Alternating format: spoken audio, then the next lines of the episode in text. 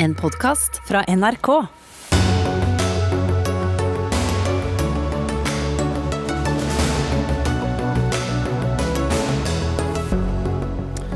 Satsingen på havvind har fått fem prinsipper for å gjøre Norge verdensledende. Jeg er forskrekket, sier Rasmus Hansson. Regjeringspartiene og SV rakk ikke første frist for revidert nasjonalbudsjett. Hvorfor ikke det, mon tro? Nesten regjeringskrise i Sverige skal ha lovet å fortsette støtten til kurderne, men hva skjer da med den svenske Nato-søknaden? Flere vil regulere spillebransjen også for spill rettet mot voksne. Overformynderi, svarer ungdomspolitiker. Oslo kommune inviterer skolene til markering av Pride-dagen. Pushing av ideologi, ideologi, på barn, mener lærer. Og prinsesse Märtha Louise og sjaman Durek Verrett har forlovet seg. Det burde ikke skremme noen, sier Aftenpostens kommentator. Ja, Det er noen av sakene i Dagsnytt 18 denne tirsdagen, men vi starter med kraft. For ekstra mye makt var samlet i eh, Vestland fylke i dag. I Gulen møttes bl.a. Jonas Gahr Støre, lederne for, eh, og toppsjeferne for LO og, og NHO. Og det glade budskap var da at Norge skal bli en av verdens ledende nasjoner når det gjelder havvind. Og Et viktig skritt skal da være disse fem prinsippene som ble lagt fram i dag. Og Olje- og energiminister Terje Aasland, du befinner deg fremdeles eh, på fjellet. Eh, I hvert fall så befinner du deg på Vestlandet. Hva slags prinsipper skal ligge til grunn for eh, Norges havvindsatsing? Ta kortversjonen. Nei, altså Utgangspunktet er at når vi nå tar en storstilt satsing på havvind, så skal vi ta med oss de kvalitetene som vi setter pris på i det norske samfunnet. Og det er at Vi ønsker punkt 1, å legge til rette for at vi kan utvikle den eh, norske modellen som basis også for havvindnæringa, hvor eh, trygghet for arbeid, norsk lønns- og arbeidsvilkår er eh, helt grunnleggende. Så ønsker vi at dette skal bidra til nye muligheter knytta til arbeid og trygghet for folk, men også for industrien vår. Vi har en fantastisk leverandørindustri som leverer fantastiske produkter til olje- og gassindustrien i dag. Med havvindsatsinga vår så gir vi eh, leverandørindustrien en mulighet til å ta et nytt skritt og en bredere fundament. Så vi ønsker å, å, å, å, gjøre dette, men vi må gjøre det på en måte som gjør at vi kan eh, skal vi si, gjøre det i sameksistens mm. med andre havnæringer. Eh, fiskeri eh, som eksempel. Og samtidig må vi ivareta natur og biologisk mangfold på en god måte når vi nå skal utvikle et nytt stort industriprosjekt for Norge. Men dette var ikke nok for deg, Rasmus Hansson, stortingsrepresentant for MDG. Hva er det du savner? Eh, jeg savner premisset og, årsaken til at havvind eksisterer. Dette er det første industri- og energiprosjektet i verden som skyldes eh, at vi skal løse klimaproblemet, fordi klimaproblemet ødelegger livsgrunnlaget. Og Da mener jeg at det aller første prinsippet som regjeringen må legge til grunn, er at havvindutbyggingen skal sikre at de ikke ødelegger, og helst til og med bygger opp igjen natur. De uh, naturhensynene som uh, olje- og energiministeren nevner, er, det er akkurat de samme som ledsager absolutt alle prosjekter i Norge, enten det er motorveier eller oljevirksomhet eller noe sånt. Ja, her, før i dag så sier du at du blir forskrekket. Ja, jeg er forskrekket fordi at dette er et helt annet prosjekt. Altså, det har aldri skjedd før i verdenshistorien at vi utvikler en sånn kjempesatsing som vi nå gjør, øh, øh, på grunn av at vi skal løse et uh, miljøproblem, nemlig klimaproblemet og den naturregledelsen som klimaproblemet fører til. Og Dermed så mener jeg at det aller første premisset regjeringen bør legge til grunn, er at uh, dette skal skje på mm. naturens premisser, uten å ødelegge natur. Uh, for det har man aldri gjort før, og vi må unngå at havvind blir enda en industrisektor som bare spiser opp enda flere ressurser mm. og ødelegger livsgrunnlaget enda mer. Osland. Nei, Det er jo nettopp det vi kommer til å gjøre. Vi kommer til å sørge for at vi tar eh, vare på de natur- og miljøkvalitetene som vi skal ivareta. Og Vi har erfaring med store industriprosjekter eh, til havs. Eh, vi har erfaring med det som vi kan trekke med oss og lære av. Og sørge for at vi får dette på en god og bærekraftig måte. Samtidig så har jeg lyst til å understreke at den tempoplanen som regjeringen har lagt til grunn, hvor vi nå starter litt forsiktig, gir oss rom til å evaluere, forbedre prosjektene underveis, samtidig som vi skal ha en litt større, eh, omfattende tildeling i 2025, er tror jeg, helt i tråd med mm. god forvaltningspraksis og legger grunnlaget for at vi nettopp kan hente inn kunnskap underveis og sørge for at vi tar eh, eventuelle korrigeringer hvis det er behov for det. Så, Rasmus Hansson, vær så god. Ja, altså, Dette er jo kjempefint, og det er akkurat det samme som ja. Terje Aasland og alle hans kolleger gjennom alle år har sagt om alt. Eh, spørsmålet er hva skal være forskjellig? Eh, i denne eh, kjempestore eh, industri- og energisatsingen fra all annen nærings- og industriutvikling hvor man har sagt nøyaktig det samme som Terje Aasland sier nå. Jeg syns det er kjempefint at Aasland sier det. Jeg skjønner ikke hvorfor ikke det da er prinsipp nummer én fra regjeringens mm. side, men jeg vil bare oppfordre til at Aasland gjentar det han nå sier, absolutt hver gang han snakker med om havvind heretter, og får det inn som et hovedprinsipp for havvindsatsinga, slik at den havvindsatsinga eh, blir en fordel mm. for oss alle og for framtida. Og jeg tror også det er en helt avgjørende forutsetning for at det skal bli industrielt og arbeidsplassmessig vellykket. Lars Haltbrekken, du er energipolitisk talsperson i eh, SV. Hva synes du om disse fem prinsippene? Det er helt klart at vi er nødt til å spille på lag med naturen, fisken og fiskerne når vi skal bygge ut uh, havvind. Vi er nødt til å sørge for at det bygges ut i de områdene der det kan bygges ut, og der det ikke skaper de store konfliktene med viktige naturverdier og med uh, fiskeressursene. Men det er vel alle enig i. Også, nå, men nå snakker vi om disse et øyeblikk, ja. men disse fem prinsippene de legger jo til grunn akkurat det du sier, gjør de ikke det? Da? Jo da, og de fem prinsippene er fine. Ja. Uh, og så syns jeg at kritikken fra MDG er litt pussig.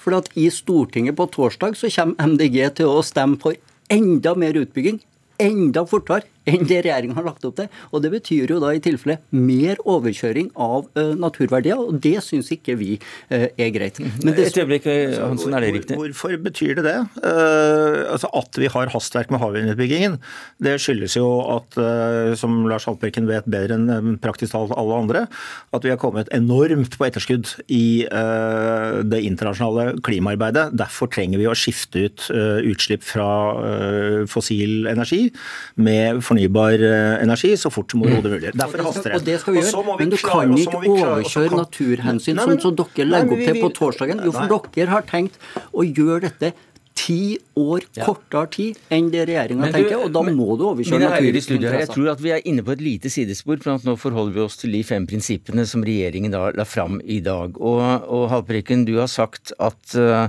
du er kritisk til hvordan man skal sikre lønns- og arbeidsvilkår, som jo er så viktig i disse prinsippene for å holde den norske uh, modellen gående også i, uh, i havet. Ja, ikke først og fremst det, men det som vi er eh, kritiske til, det er jo å få sikra at disse utbyggingene skjer på norske verft, hvor man har eh, norske lønns- og arbeidsvilkår. Og det som vi ser i dag, er jo at det er en enorm konkurranse om arbeidskrafta på norske verft. Eh, det er jo én av tre bedrifter som sier at de klarer ikke å skaffe nok eh, ingeniører, nok kompetanse til denne havvindutbygginga. Og hvorfor ikke? Nei, fordi at den vanvittige oljeskattepakken som stortingsflertallet eh, vedtok for et par år siden, har på en måte eh, tatt plass på verftene og okkupert den kompetansen og arbeidskapasiteten som er der. Sånn at skal vi sikre at denne utbygginga skjer i Norge, så er vi nødt til å gjøre noe drastisk med den oljeskattepakken og de enorme subsidiene til Også, oljeindustrien. Vær så god. Men det blir, det, det blir, feil. Altså, vi har lagt opp en tempoplan hvor vi har en omfattende tildeling. Eh, og utlysning av områder i 2025. Det passer utmerket godt i forhold til og i forlengelsen av oljeskattepakka. Det betyr at oljeskattepakka er med nå på å holde sysselsettinga oppe, sørge for at kompetansen holdes ved like, i en tid hvor kanskje en hadde nedbemanna og gjort det mer krevende nettopp å møte havvindsatsinga som kommer. Og Den tempoplanen vi legger opp til nå, den får med oss leverandørindustrien. Den gjør at vi kan få med oss norske arbeidstakere med på løpet. Og den legger grunnlaget også for at vi kan ivareta naturmangfold, miljøhensyn osv. Mm. på en god måte. Og Det er forutsetningen for de prinsippene. Og det er feil som Miljøpartiet De Grønne sier. For de har stressa dette med tempoplan, sånn at ikke du får i tilstrekkelig grad gjennomført ja, må, tilstrekkelig evaluering osv. Da må statsråden lese den siste rapporten fra Menon som konkluderer med at det er stor konkurranse om arbeidskrafta ved norske verft. Og der brukes nå arbeidskrafta til å produsere nye uh, olje- og gassinstallasjoner. Og dem som skal bygge havvind, møter problemer. Og vi vet også at den oljeskattepakken nå kan være inflasjonsdrivende, kan bli et betydelig problem for ø, norsk økonomi. Den bør vi gjøre noe drastisk med, og redusere mm. subsidiene til oljeselskapene. Men, og i stedet akkurat... sikre at verftene kan brukes til å bygge flytende havvindmøller framover. Ja, unnskyld at jeg avbryter deg igjen, men det har for så vidt ikke noe å si når det gjelder akkurat hvilke prinsipper som skal gjelde for, for havvind. Jo, men det har med hvordan du skal nå de målene å gjøre. Ja, nettopp. Uh, Rasmus Hansen. Altså, hvis eh, vi vil sikre at eh, havvindutviklingen gir norske arbeidsplasser, så må vi for det første sørge for at utlysningene stiller som krav at eh, det skal gi norske arbeidsplasser. Og de utlysningene som det nå regjeringen legger opp til i den første store økta, nemlig Søndre Nordsjø 2 med bunnfast havvind, den gjør faktisk ikke det. Og der er faren veldig stor for at det er utenlandske selskaper og utenlandske produsenter som kommer til å stikke av med hele kaka uten at det blir arbeidsplasser i Norge. Så punkt én er still de kravene eh, fra dag én. At eh, arbeidsplassene skal i hvert fall i stor grad være norske. At naturhensyn skal være overordnede premisser. Og også det tredje, selvfølgelig, at dette er en internasjonal uh, satsing som foregår i samarbeid og solidaritet med landene rundt oss. Det sier uh, industrien selv at det er en forutsetning for at havvindsatsinga skal bli lønnsom. Og det burde være en selvfølge for Norge at vi nå bidrar solidarisk til det uh, sikkerhetspolitiske og klimapolitiske arbeidet som vår verdensdel driver. Aasland, der fikk du tre nye prinsipper. Ja, men jeg bare understreker at Målet for regjeringen er veldig tydelig. Vi skal ha med oss norsk leverandørindustri. Vi skal sørge for at det blir norske lønns- og arbeidsvilkår og trygghet for arbeid gjennom den havvindsatsinga vi foretar. Og vi skal gjøre det i sameksistens med andre næringer, og ikke minst ivareta natur- og miljøkvaliteter som er viktige nettopp for å understøtte mangfoldet ute på havet. Så den, den tempoplanen og den, de rammene som er lagt fra regjeringa er veldig bra. og Jeg er veldig glad for også nå at Stortinget gjennom behandlingen av energimeldingen slutter opp om disse premissene. Det er viktig at vi har en brei, god løsning eh, nettopp nå for å finne eh, den langsiktige tryggheten for satsing. Og tilbake igjen i tempo. Det er en forutsetning nå for at vi skal lykkes med havvind. Mm. At det er aktivitet i leverandørindustrien vår. At det er folk som jobber på verftene våre akkurat nå med, med olje- og gassaktivitet. Ambisjonene, et øyeblikk, unnskyld at vi går mot slutten her, men unnskyld at jeg avbryter deg. for Jeg må nesten stille Haltbrekken et, et, siste spørsmål her. Du må svare kort på det. Altså, det ambisjonene, målet, er jo, er jo, veldig, veldig høyt uh, svevende. Altså, de skal, de skal klare å få like mye kraft som det vi har vannkraft i dag, allerede om 18 år ut fra havvind. Har du tro på det? Hvis det gjøres på en skikkelig måte, hvor man tar naturhensyn, kartlegger miljøverdier og i samarbeid med fiskerne, så kan det være mm. mulig å få til. Hva sier du? Ja, jeg har uh, tro på det fordi vi må. Eh, klimajobben haster enormt. Dette er én av de konstruktive løsningene som kan gi både klimaløsninger, naturløsninger og arbeidsplasser, hvis vi gjør det riktig. Mm. Takk skal eh, du ha, Rasmus Hansson, næringspolitisk talsperson i MDG. Lars Halbrekken, energipolitisk talsperson i eh, SV.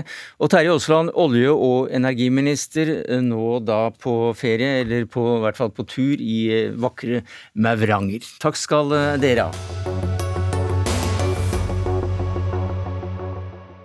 Vi får inn eh, to kommentatorer, også for å tenke litt høyt om akkurat den store satsingen som eh, vi nå ser at det er kommet eh, prinsipper for. Da. Tror du at Norge blir verdensledende på havvind med det første, som statsministeren lovet i Gulen i dag? Kjetil Bragli Alsheim, politisk redaktør i Aftenposten. Det er jo en konkurranse om dette internasjonalt. Du ser jo Danmark lanserte store planer sammen med noen andre EU-land og EU-kommisjonen nå i mai.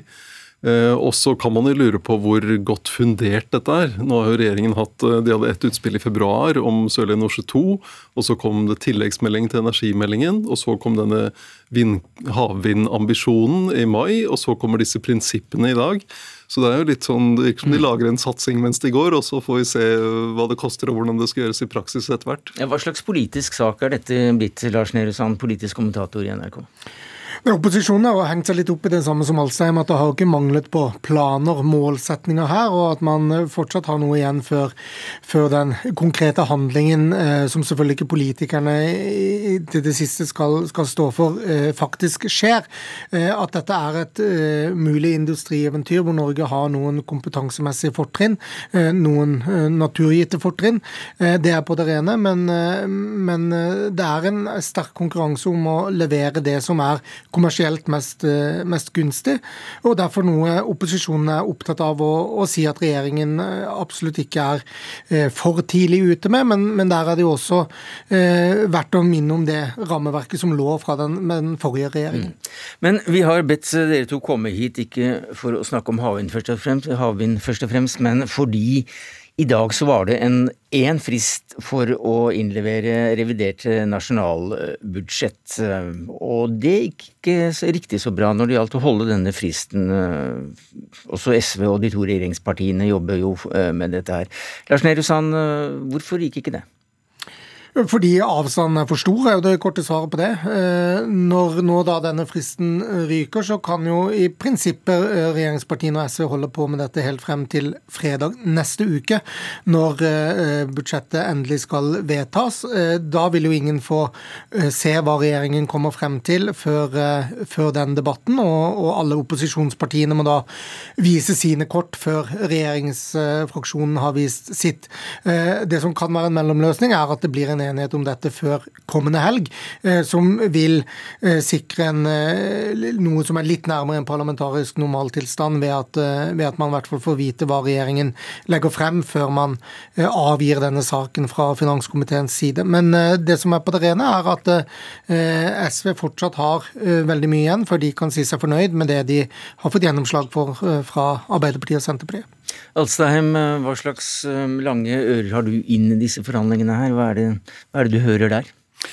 Nei, det er, det er klart det er eh, For SV er det jo viktig å vise at de får gjennomslag, at de får noen seire her. Eh, og de, Da er det klima- og fordelingspolitikk som er viktig for, det, for SV. Og så er det den konflikten om eh, bruk av bistandspenger for å dekke utgifter til mottak av ukrainske flyktninger som er en, en, vanskelig sak.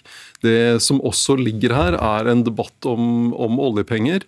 Der, eh, der, SV har på en måte sett etter en måte å, å hente inn eh, argumentere for at man kan bruke noe mer oljepenger. fordi hvis man bruker disse pengene på, på bistand i utlandet via en FN-organisasjon, så er ikke det noe som skaper press i norsk økonomi.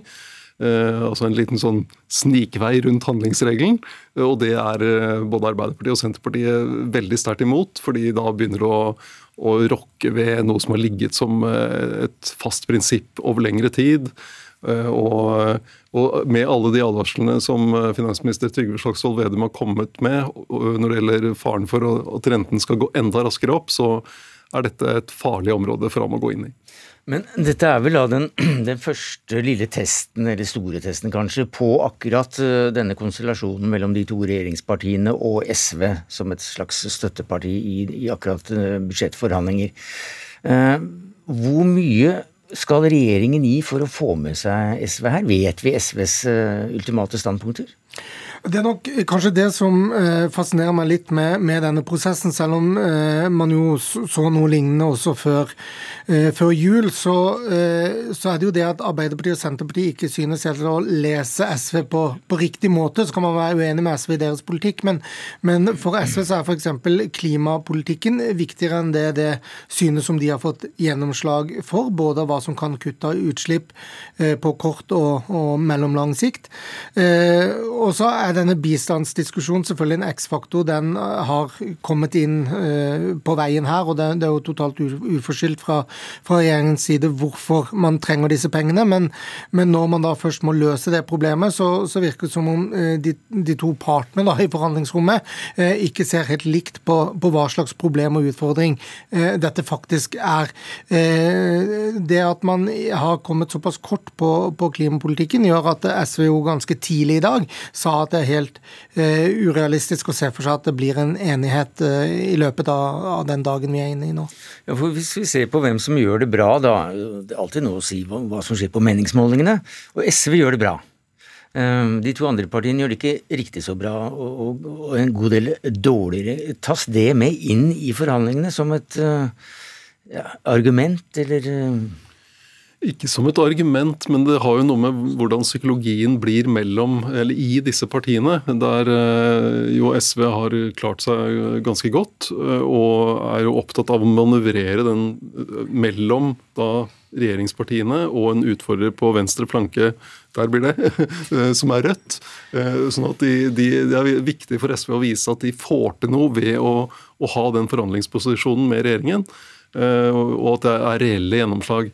Eh, for å bevare det, for at det fortsatt skal gå eh, greit på målingene. Og så er det for regjeringspartiene det å vise at de har kontroll og styring på økonomien. Det, er, eh, det har vi sett hvor viktig det er for Vedum nå de siste ukene, hvordan han har snakket. Og vi skal huske det at altså det Siste dag i Stortinget er 17. juni, fredag 17. juni. Uka etter så er det nytt rentemøte i Norges Bank. Og hvis eh, de har sluppet løs på pengebruken, og du kan, du kan, noen kan lage en kobling til en eventuelt større renteøkning Alle regner med at det kommer en renteøkning. Hvis det kommer en dobbel renteøkning f.eks., så vil det mm. gi dårlig stemning for Vedum. Vi nevnte at dette er en slags eh, test på, på dette samarbeidets soliditet. For den store testen det er selvfølgelig ved, ved statsbudsjettet uh, til, til høsten. Men jobber man nå såpass hardt fordi at det som nå skjer, kan gi en slags presedens? Ja, det tror jeg nok. Og så eh, er det jo det som uansett må skapes en presedens for, det er jo det at SV eh, har litt bevisbyrde her på at det var rett å forlate eh, Hurdal. SV må vise både LO-lederen og andre at det var riktig å eh, stå utenfor denne regjeringen, og at man kan få mer igjen eh, eh, ved å forhandle i Stortinget enn man ville fått ved å være en del av et regjeringskollege. Men det går mot et revidert nasjonalbudsjett, Åkesson? Det gjør nok. Takk skal eh, du ha, Lars Nehru Sand, politisk kommentator i NRK, og til eh, deg, Kjetil Bragli Alstaheim, politisk redaktør i Aftenposten.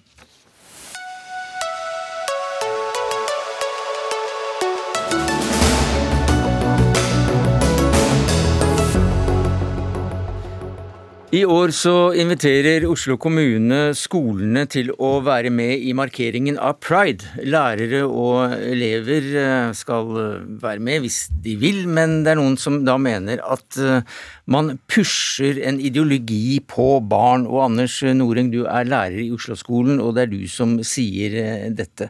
Hva er det du mener med det? Ja, altså Det er ikke det direkte å gå i Pride-toget som pusher en ideologi, men det er de undervisningsoppleggene som er blitt sendt med på uh, på den uh, meldingen som alle lærerne fikk, som ble mhm. sendt kun til oss lærere. Og det var det jeg reagerte på i utgangspunktet. At uh, jeg syns foreldre bør få innsyn i det her. Ja, Hva var det dere fikk? Vi fikk en mail. Jeg har sendt den til en kollega av deg.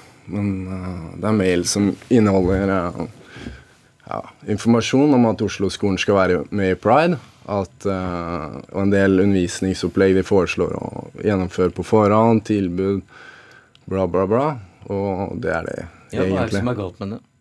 Egentlig uh, Det som jeg, jeg syns er galt, er foreldre får ikke informasjon. For jeg vet at det er mange foreldre der ute som ikke er enig i det her. Eller på en måte, de, de står ikke bak uh, ideene som frontes eh, i forhold til kjønn eh, spesielt.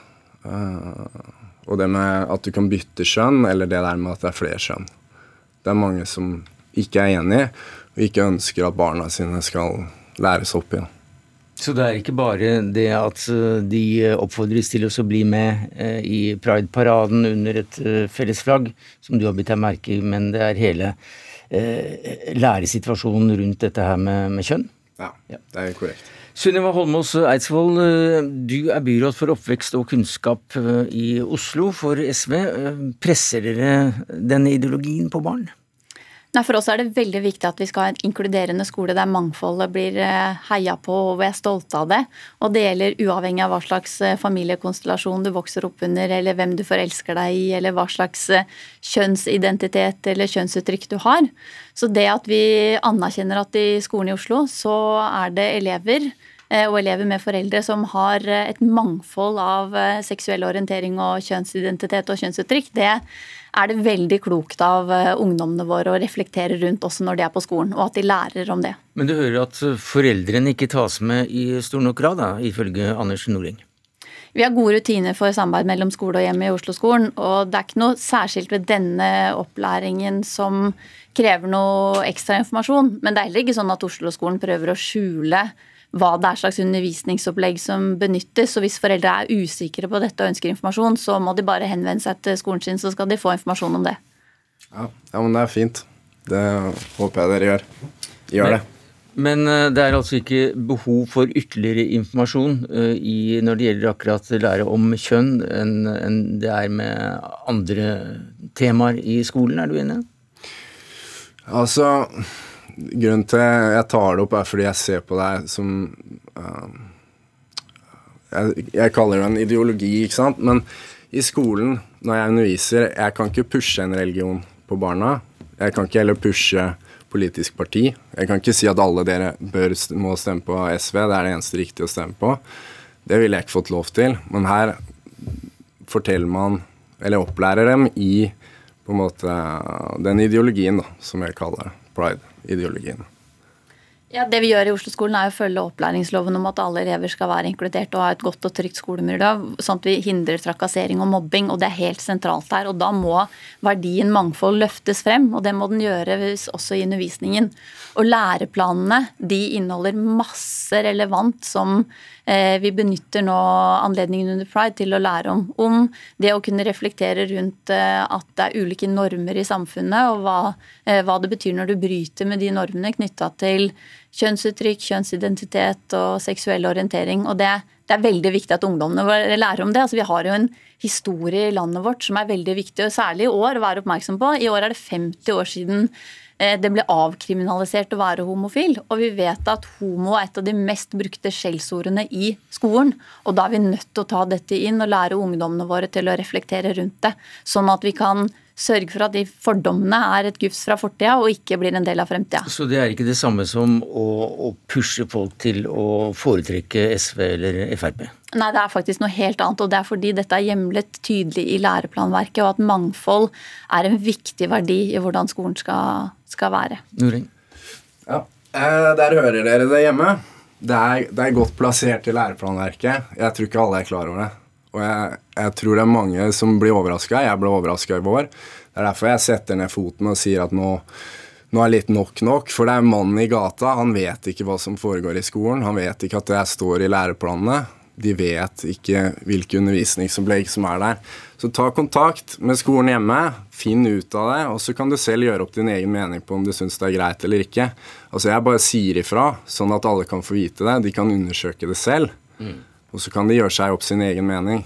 Jeg sier ikke at alle må mene det samme som meg, men da kan man gjøre seg opp sin egen mening. Hvilken mening har du gjort deg opp, Aslak Berntsen Husby? Du er påtroppende leder i Elevorganisasjonen. Ja, Det som er tydelig her, er at eh, vi står på at skolen skal være en inkluderende arena for absolutt alle elever. Og Det er det som kommer tydelig fram i læreplanverket, at vi skal fokusere på en likeverdig og likestilt menneskeverdi i skolen. Og det er akkurat det vi ser at Pride gjør eh, for elevene eh, når de deltar og viser seg fram at de aktivt deltar i Pride. Og når Oslo oppfordrer sine elever til å delta i pride. Da er det tydelig at her er det klart at skolen er en arena for absolutt alle, alle, eh, absolutt alle sammen. Til og med du som er med i LHBT-samfunnet, og som har lyst til å være akkurat den personen du har lyst til å være. Og Det er et signal vi syns er viktig at skolen sender, og vi ser at eh, det signalet som kommer fram når Noreng går ut med pride, det er at det sender et signal om at i skolen så kan man ikke være hvem man vil. Nei, Ja, det har jeg aldri sagt. Jeg har bare sagt at hvis du, skal gi opplæring til barn i at det fins mange skjønn, at uh, du kan bytte skjønn når du vil, så, så, så, er det ikke noe faktisk bevis på at man kan det, eller det er ikke noe enighet om det, uh, faktisk. Altså, for meg så er det veldig interessant å høre, for jeg har aldri hørt noen gode argumenter for hvorfor det stemmer. Altså, Alt jeg får, er 'du er slem', 'du er dum', ikke sant? som om jeg ønsker å skade noen. Jeg synes at sant, Det er fint alle skal bli akseptert for hva de, hva de, er og hva de vil. Jeg har ikke noe med å blande meg inn i folks personlige liv. Men hvis du skal fortelle meg noe nytt ny kunnskap, så bør det være noe beviser for det. Det bør være grunna i noe faktisk. For nå kommer det med et sånt tåkeslott. Ikke sant? Ok, ja, men hvorfor? Ikke sant? Det er mange som tenker hvorfor. Kan, vi, kan jeg få et svar? Ja, Det er veldig viktig at uh, ungdommene våre lærer om kjønn og hva det er. En ting er juridisk kjønn og hva som skal stå i folkeregisteret, men du har også kjønnsidentitet og kjønnsuttrykk. og Der er det et veldig stort mangfold i samfunnet vårt, og vi har et mangfold av det i skolen. Og det at vi greier å sette ord på det og drøfte om det, og hva som skjer når man bryter med normene, og passe på at vi bygger, ja, bryter ned fordommene og sørger for at alle er inkludert og ikke blir mobba. Det er det som er viktig, at alle skal kunne være den de er. Og det er veldig viktig i Oslo-skolen. Da tror jeg vi setter eh, strek der, så får eh, folk avgjøre om de eh, vil være med på Pride-markeringen eller ikke. Men takk skal du ha for at du dro den debatten i gang i NRK på nrk.no. Anders Noreng, lærer i Oslo-skolen. Takk til Synnøve Halmås Eidsvoll, byråd for oppvekst og kunnskap i Oslo kommune. Og til deg, Aslak Berntsen Husby, påtroppende leder av Elevorganisasjonen.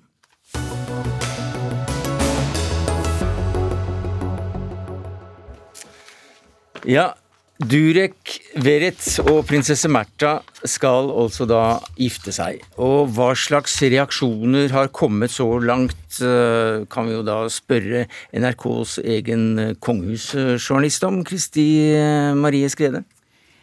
Dette er jo noe som eh, gleder mange. Kongeparet og kronprinsfamilien var først ute og gleda seg stort og gratulerte paret. Og så er det glede i i kommentatorrekkene òg. Gratulerer med dagen til eh, de nyforlova. Eh, og så eh, Og så er det vel egentlig det. Ja. Så langt. Så langt. Kanskje vi får noen andre kommentarer her i studio. Hvem vet? Anders Johan Stavseng, du er kongehusekspert for Se og Hør. Du har i hvert fall ropt gratulerer med dagen.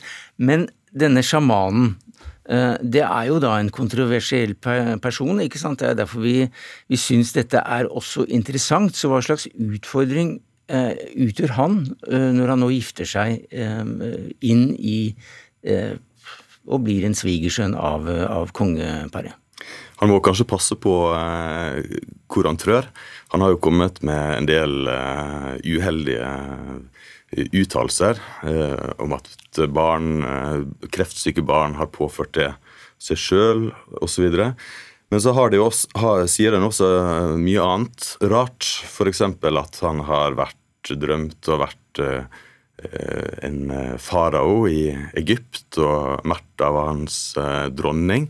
Så det er liksom, man har de holdt på å si, farlige uttalelsene, og så har man det andre som de fleste nordmenn kanskje syns er eh, både underholdende og eksotisk. Men eh, jeg tror eh, han har jo for å si skjerpa seg da, etter at han hadde denne her fadesen med, med podkasten hvor han gikk i detalj om sitt sexliv med prinsesse Märtha. det var nok kongefamilien eller Slottet ikke helt fornøyd med, og den episoden ble også ble også fjerna fra internett eh, dagen etterpå. Ja, er du urolig på kongehusets vegne, eh, Kjetil Alstheim, fremdeles politisk redaktør i Aftenposten og republikaner? Jeg bruker jo lite tid på å bekymre meg på, for kongehusets fremtid. Men... Jo, men du skriver jo om det, da. Ja da.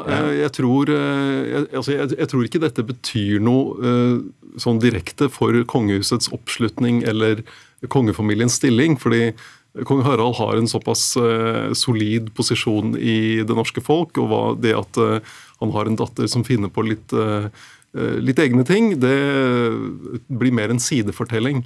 det kan være litt mer vanskelig for kronprins Haakon, som jo på et eller annet tidspunkt skal etablere seg som, som konge, og som da har en storesøster som har en kontroversiell partner, og hva er det de kommer til å finne på? Altså Blir det noe han stadig vil få spørsmål om? Hva mener du om det Durek Verret har sagt nå, eller eh, sluppet av eh, en bok, eller kommersielle eh, prosjekter? Så det, det er helt avhengig av hva, hva er det det paret skal gjøre fremover. Ja, for Han bør bli litt mer tilbakeholdende med å, å uttale seg, hører vi Stavsing sier. Er du enig i det? Altså jeg mener jo at uh, han bør være et fritt menneske, men det, er, det blir et problem for, uh, for kongehuset hvis det blir noe som, noe som, kommer inn som et sånn forstyrrende element. Så det er jo mm. noe den familien må finne ut av selv. da. Men hva slags plass kan han regne med å få i det norske folks hjerter? Jeg tror han kommer til å bli tatt godt imot. Eh, vi må huske på at det her er jo på mange måter en veldig historisk eh, hendelse. Eh, Durek er den første svarte som gifter seg inn i en norsk kongefamilie. Han har stått åpent fram som bifil. og i internasjonale medier har jo dette, denne forlovelsen vakt eh, veldig veldig stor eh, oppmerksomhet. Kanskje mer enn her eh, hjemme i Norge. Mm. Eh, så jeg tror han eh, kommer til å bli tatt inn i varmen. Og så får man liksom skille mellom de her uh, uttalelsene som man har, og den, den personen han er som har det moro. Og vi må huske på at kronprinsesse Mette-Marit. Når hun uh, fant Håkon, så var det slettes ikke alle nordmenn som eh, var spesielt eh, glad for det. Eh, og i dag så har vi lært Mette-Marit å kjenne, og jeg tror de aller, aller fleste nordmenn er veldig, veldig glad i kronprinsessa i dag. Og slik kan det også gå med Durek, men jeg tror, eh, men jeg tror vi kan få se ganske mye underholdning framover. Både Durek og Märtha har jo uh, gitt oss det ene høy, høydepunktet etter det andre. Og Se og Hør har jo vært brakt veldig mange av de her fantastiske historiene videre. Og det kommer du til å fortsette med selv om de ja, gifter seg? Veldig, veldig glad for at, at hun nå har finne lykken og gifte seg. Blir det en naturlig del av Aftenpostens eh, redaksjonelle virksomhet å, å etterspore eller følge opp alle nye uttalelser fra sjamanen? Ja, alle tror jeg vel ikke, men det blir jo en vurdering fra, mm. fra, sak til sak, rett og slett. Men det som er interessant her, er jo om de Hvis vi ser et annet eh, par, da, Harry og Meghan som jo eh, sa fra seg sine eh, kongelige plikter i Storbritannia, og så bygger de seg opp som en slags sånn reality-stjerner, kjendiser i USA. Er det den veien Märtha Louise og Durek Verrett skal gå, så, så, får du jo sånn sammen Du får en, sånn, en verden av kongelige og en kjendisverden som bare vokser sammen. Og det er jo for, konge, for monarkiet Eh, så er jo det en interessant utvikling. Er det der det skal være? Skal du, skal du ikke kunne skille mellom kongelige og, og Kardashians, liksom? Så det, Vi får se hvor de går. Jeg er sikker på at Se og Hør får mye å glede seg over. Det vite. Men jeg må bare si at uh, prinsesse Märtha har jo allerede uh, hatt en slags reality. Hun har jo deltatt i et program på TV 2 som har fulgt henne. Uh, der dukka jo også Durek opp. Eh, og etter det vi vet, så fikk også prinsessen Klekkelig betalt for det. Så eh, det blir spennende å se eh, hvordan dette ender. Ja, det kan bli spennende å se. Og, og Alstheim sier også at Se og Hør kan vel ha mye å glede seg over i, i framtiden. Men eh, Märtha Louise er jo da en arveberettiget prinsesse? Ja, hun er nummer fire på, ja. i arverekken, så det er jo ikke så veldig, sånn, det er ikke så veldig stor grunn til bekymring for de, de som måtte bekymre seg for det. Så, men det gjør jo at, eh, at kongen må, må, godkjenne dette giftermålet i henhold til Grunnlovens paragraf 36. Aha.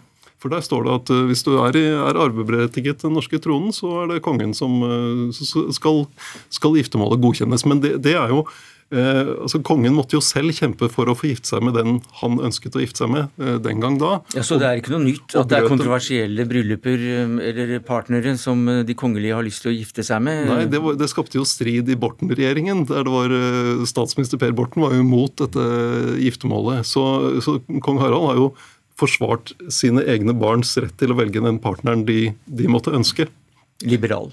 Og eh, vi må bare legge til, eh, for oss som husker Rio Ragnhild, eller prinsesse Ragnhild Hun gifta seg med sin eh, skilt, en skiltmann som var Nei, som var livvakt, og hun var den første borgerlige som Eller den første kongelige som gifta seg borgerlig, og det var en mye, mye større skandale, da, kan man si, mm.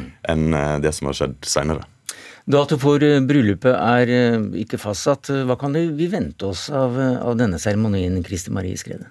Ja, Det blir veldig spennende å se. Det er ikke godt å si. Prinsesse- og sjamanbryllup, det har ikke Norge sett før. Men blir det, men blir det stort, tror du?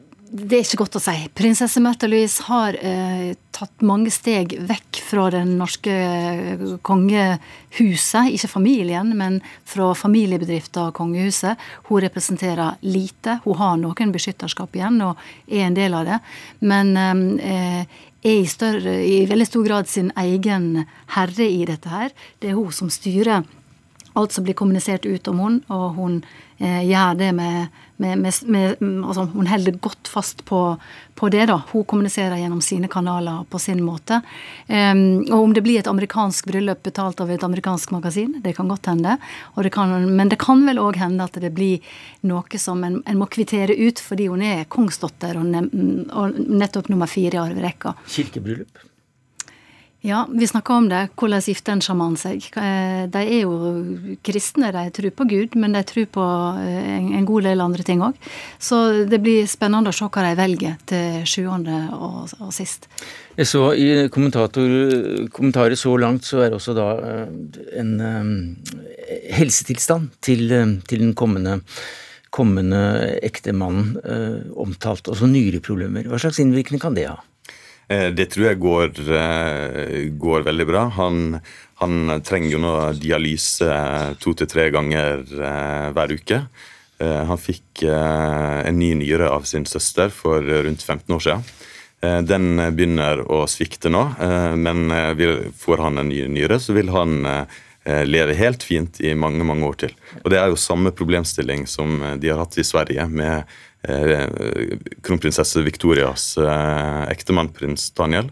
Og han eh, lever godt og representerer, så jeg tror det vil, vil gå helt fint. Mm.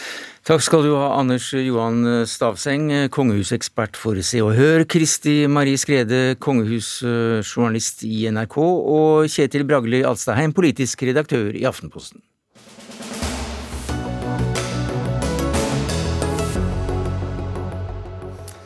Ja, Nå skal vi snakke om eh, penger i eh, spill, i eh, dataspill. For såkalte lootboxer har vært en del av moderne gaming en, en god stund.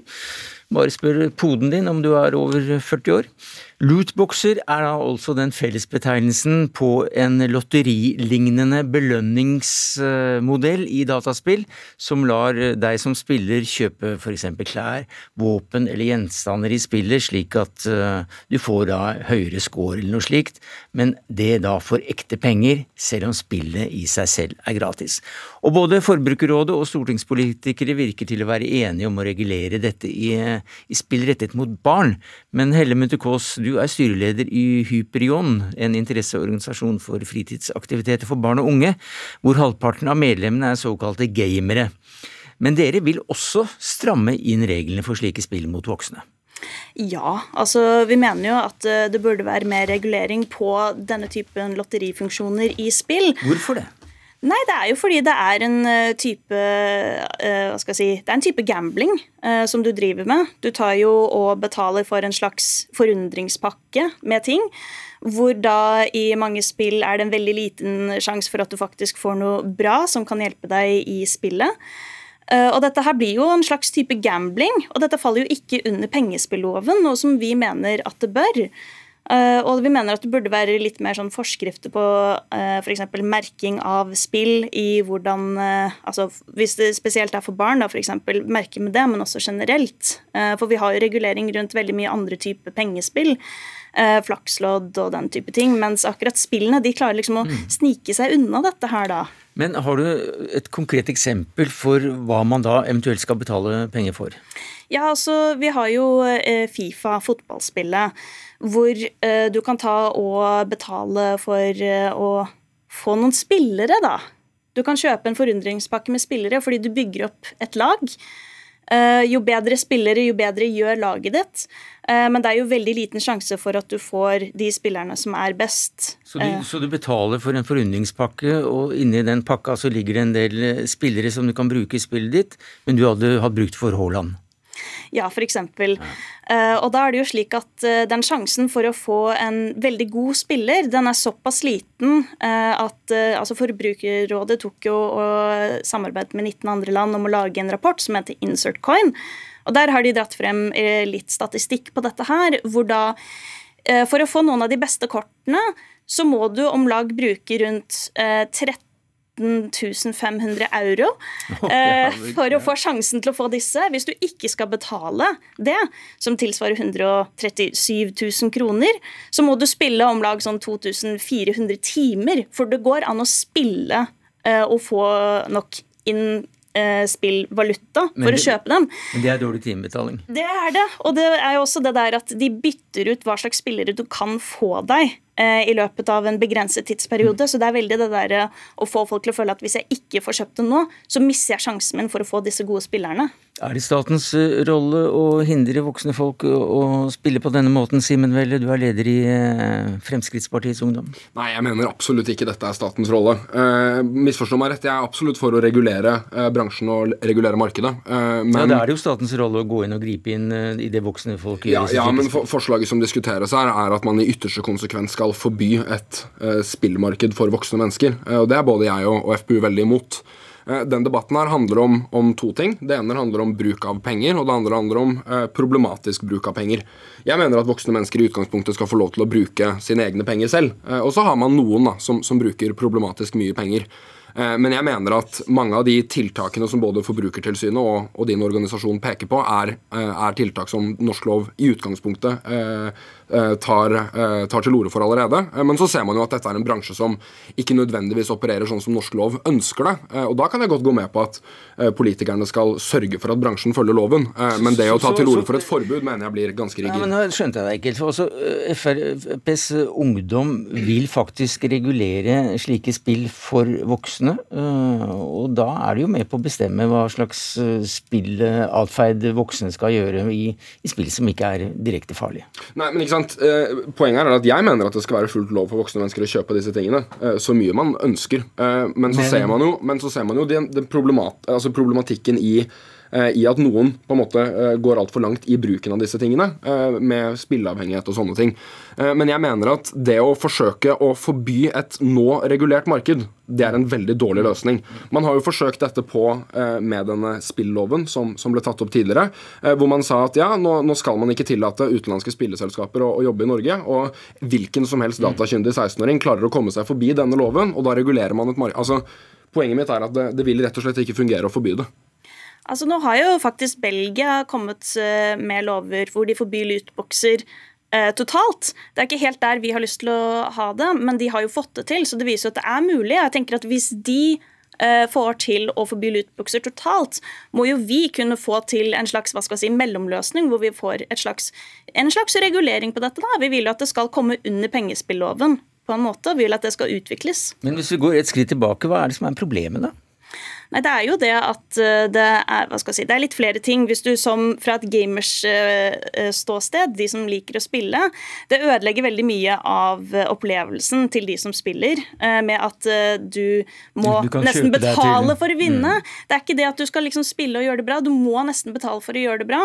Men det er jo også igjen det der med at du, betal, du ender jo opp med fort å betale mye penger på dette her. Spillavhengighet, det er ikke så greit. Og da er det liksom det der at hvis man kan kunne regulere det på en eller annen måte, så kan man på samme måte som at altså flakslodd Veldig mange kjøper flakslodd, og det går helt greit, men det er fortsatt under pengespilloven. Og det er liksom det som må frem. Akkurat hva slags lover vi skal lage på det, må jobbes med. Det har jeg ikke svar med akkurat her. Men jeg mener at det burde komme under pengespilloven. Mm. Altså, pengespilloven fungerer ikke. Eh, man ser at det går veldig mye penger ut av Norge til disse store internasjonale spilleselskapene, og da har den norske stat null kontroll på markedet. Eh, det som eh, overrasket meg veldig i deres høringssvar, er at man i ytterste konsekvens skal tillate å forby denne tingen for voksne mennesker. Det er jeg prinsipielt imot.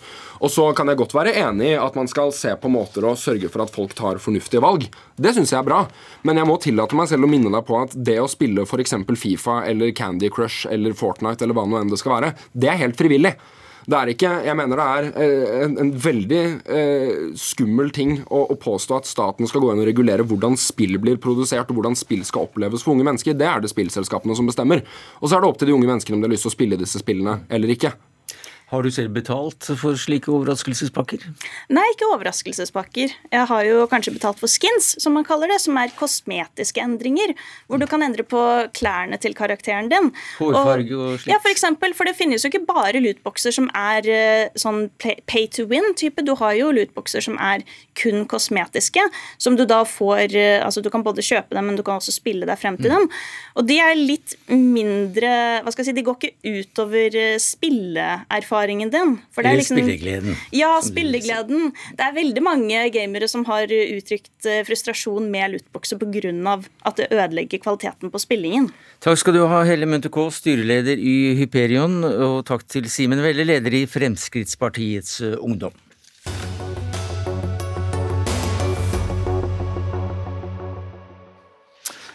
Til slutt eh, til, eh, til, Sverige og til eh, Ankara og, og, til Nato. For det er under 100 dager igjen til riksdagsvalget i Sverige. Men eh, likevel så ville den borgerlige opposisjonen kaste landet ut i en regjeringskrise og fremme et mistillitsforslag mot landets innenriksminister Morgan Johansen. Forslaget ble nedstemt uh, i dag, men før vi går dit så skal vi høre hva som var bakgrunnen for denne mistilliten. Joakim Reigstad, du er vår Norden-korrespondent med adresse Stockholm. Hva er det som har skjedd? Ja, hva har skjedd eh, i dag? Altså, det, har jo, det, har jo, vært en prosess her over flere dager. Altså Før helgen så var det jo slik at, uh, at uh, det som heter altså Vi kan sammenligne det egentlig med kontroll- og konstitusjonskomiteen i Stortinget. Konstitusjonsutskottet heter det i Sverige. De eh, konkluderte med at den svenske regjeringen har gjort for lite på kriminalitetsfeltet i Sverige. Altså år med bilbranner, med skudd, eh, skuddavløsninger, altså drap. Eh, det har man fått en, fikk man en kritikk for, og ikke har gjort nok med. Eh, og så skjer jo det at Sverigedemokraterna da stiller et mistillitsforslag mot innenriksminister Morgan eh, Johansson, som har hatt ansvar for dette både som innenriksminister og som justisminister i flere år, i åtte år i regjeringen i Sverige. Og Det var egentlig grunnen for at denne situasjonen startet. Men så, kan, eh, så ble da eh, regjeringen reddet med én stemme. Mm. Og denne personen, en eh, kurdisk opprinnelig kvinne, hun forlangte noe tilbake. Ja, altså, det vil si Hun forlangte ikke så mye tilbake. Hun forlangte at avtalen hun inngikk med Sosialdemokraterne i fjor høst, hvor altså da eh, Magdalena Andersson lovte eh, Kakawabe å eh, fortsatt støtte kurdisk eh, eh, kurderne i Sverige og, og også kurdi, kurderne i Midtøsten. Eh, hvis, hvis, de gjorde det, altså hvis Magdalena Andersson kunne love det, så skulle hun slippe fram Magdalena Andersen som, Andersson som statsminister. Sånn at egentlig sto hele statsministerspørsmålet og falt på denne ene eh, fri, friløperrepresentanten, altså Vilden som man kaller det i, i Sverige. Eh, hennes nåde har egentlig Magdalena Andersson styrt på helt fra starten av sin statsministerperiode. Og Hvorfor dette er så uh, spennende, da, uh, det er jo at det er, kan være konsekvent uh, tungt. akkurat det hvis sosialdemokratene står fast ved den avtalen, og hva det vil gjøre med den tyrkiske presidentens velvilje når det gjelder å få, eller si ja til Sverige i Nato. Hva sier du til dette, Nilas Johnsen? Du er VG-journalist og forfatter av boka 'Edrogan Tyrkias nye sultan'. Det vil i hvert fall ikke gjøre Erdogan mer eh, velvillig til å slippe inn eh, Sverige.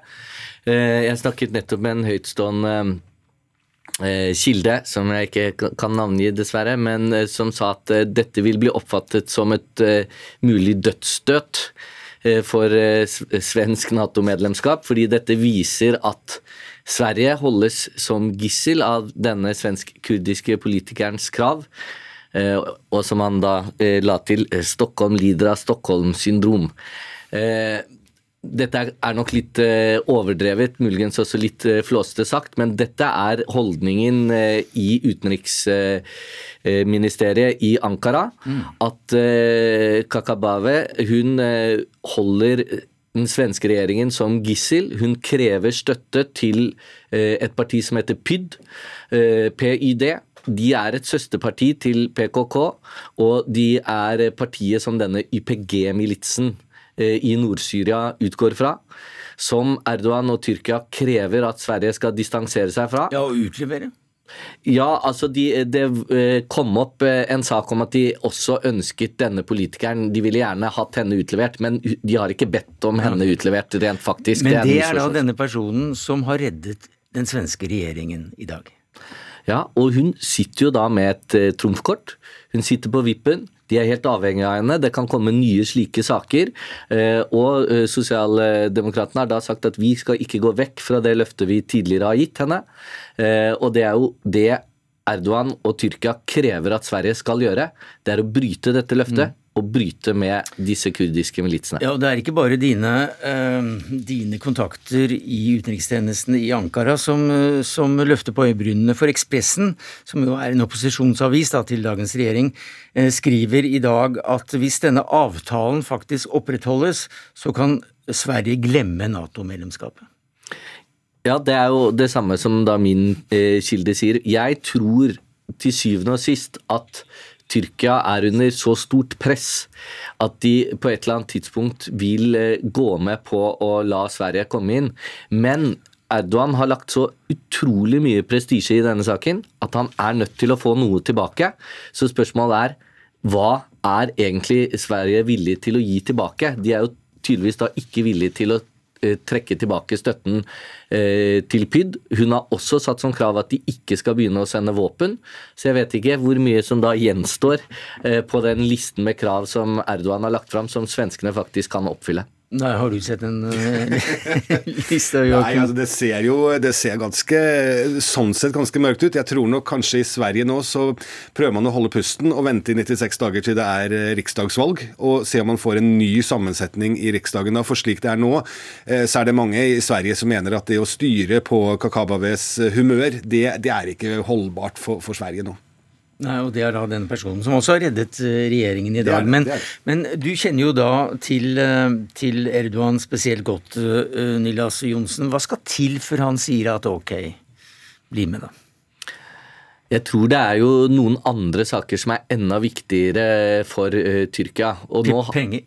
Nei, altså de ønsker nok gjerne en, en, ny handelsavtale, men det viktigste for Tyrkia å få ut av dette spillet her, eh, det er å få kjøpe F-16. De ble jo utelukket fra å kjøpe F-35, disse jagerflyene som nå rulles ut i resten av Nato. De utelukket seg selv ved å kjøpe et russisk rakettskjold, S-400, eh, men så får de da heller ikke deler til sine gamle F-16-fly, og får heller ikke kjøpe nye F-16-fly. Det hadde de ikke regna med. Så det er et veldig viktig pressmiddel mot USA. Eh, så det kan være løsningen på det hele. Eh, men jeg tror de er også nødt til å få noe gjennomslag fra Sverige, fordi de ønsker jo faktisk at alle eh, land i EU og Norge de er også veldig opptatt av at Norge også skal signalisere det samme, skal ta avstand fra de kurdiske militsene inne i Nord-Syria og merk, akkurat nå mens vi sitter her, så er Tyrkia i ferd med å forberede en stor militæroperasjon inne i Nord-Syria. Den er allerede i gang, eh, og den vil etter hvert bli så stor at de ønsker heller ikke å få noe kritikk for det de gjør der. Så at hvis resten av Nato på en måte eh, lar eh, Tyrkia holde på inne i Nord-Syria, så kan det tale til Sveriges fordel. Mm. Men vil Erdogan lykkes i dette? Ja, Det er et godt spørsmål. Man vet aldri med Erdogan. Eh, han spiller høyt, og han er pragmatisk. Og det er snart valg. Ja, og dette er jo veldig populært i Tyrkia. Og det er nettopp det at han har lagt så mye prestisje i det at det er vanskelig å se for seg at han kan trekke seg fra det. Samtidig så er det eh, militære i Tyrkia er en enorm maktfaktor som Erdogan har tøylet, men som allikevel han må på en måte, han kan ikke bryte helt med generalene. Og for militæret så er Nato-medlemskapet et anker. sånn at eh, Tyrkia kan ikke komme på kant med alle de andre landene i Nato heller. Så det er veldig spennende hva som vil skje. Joakim Reigstad, vi nevnte opposisjonsavisen Ekspressen her. Du får 15 sekunder til å si noe om andre reaksjoner som er kommet i Sverige. Nei, altså det, det, som kanskje har vært den viktigste reaksjonen, det kan vi jo si er egentlig det og Nå går jeg sikkert over 15 sekunder, jeg skal være kjapp likevel. Men, eh, men eh, det har jo vært nettopp dette med at, eh, at Kristdemokraterna har tilbudt å å hjelpe, eh, slik at de slapp å få et eh, De kunne garantere at de ikke skulle ha flere mistillitsforslag. Ok, det var det vi rakk i dag, takket være Odd Nystrøen, Eli Kyrkjebø, jeg heter Sverre Tom Rader. Takk skal dere ha. Du har hørt en podkast fra NRK. Hør flere podkaster og din NRK-kanal i appen NRK Radio.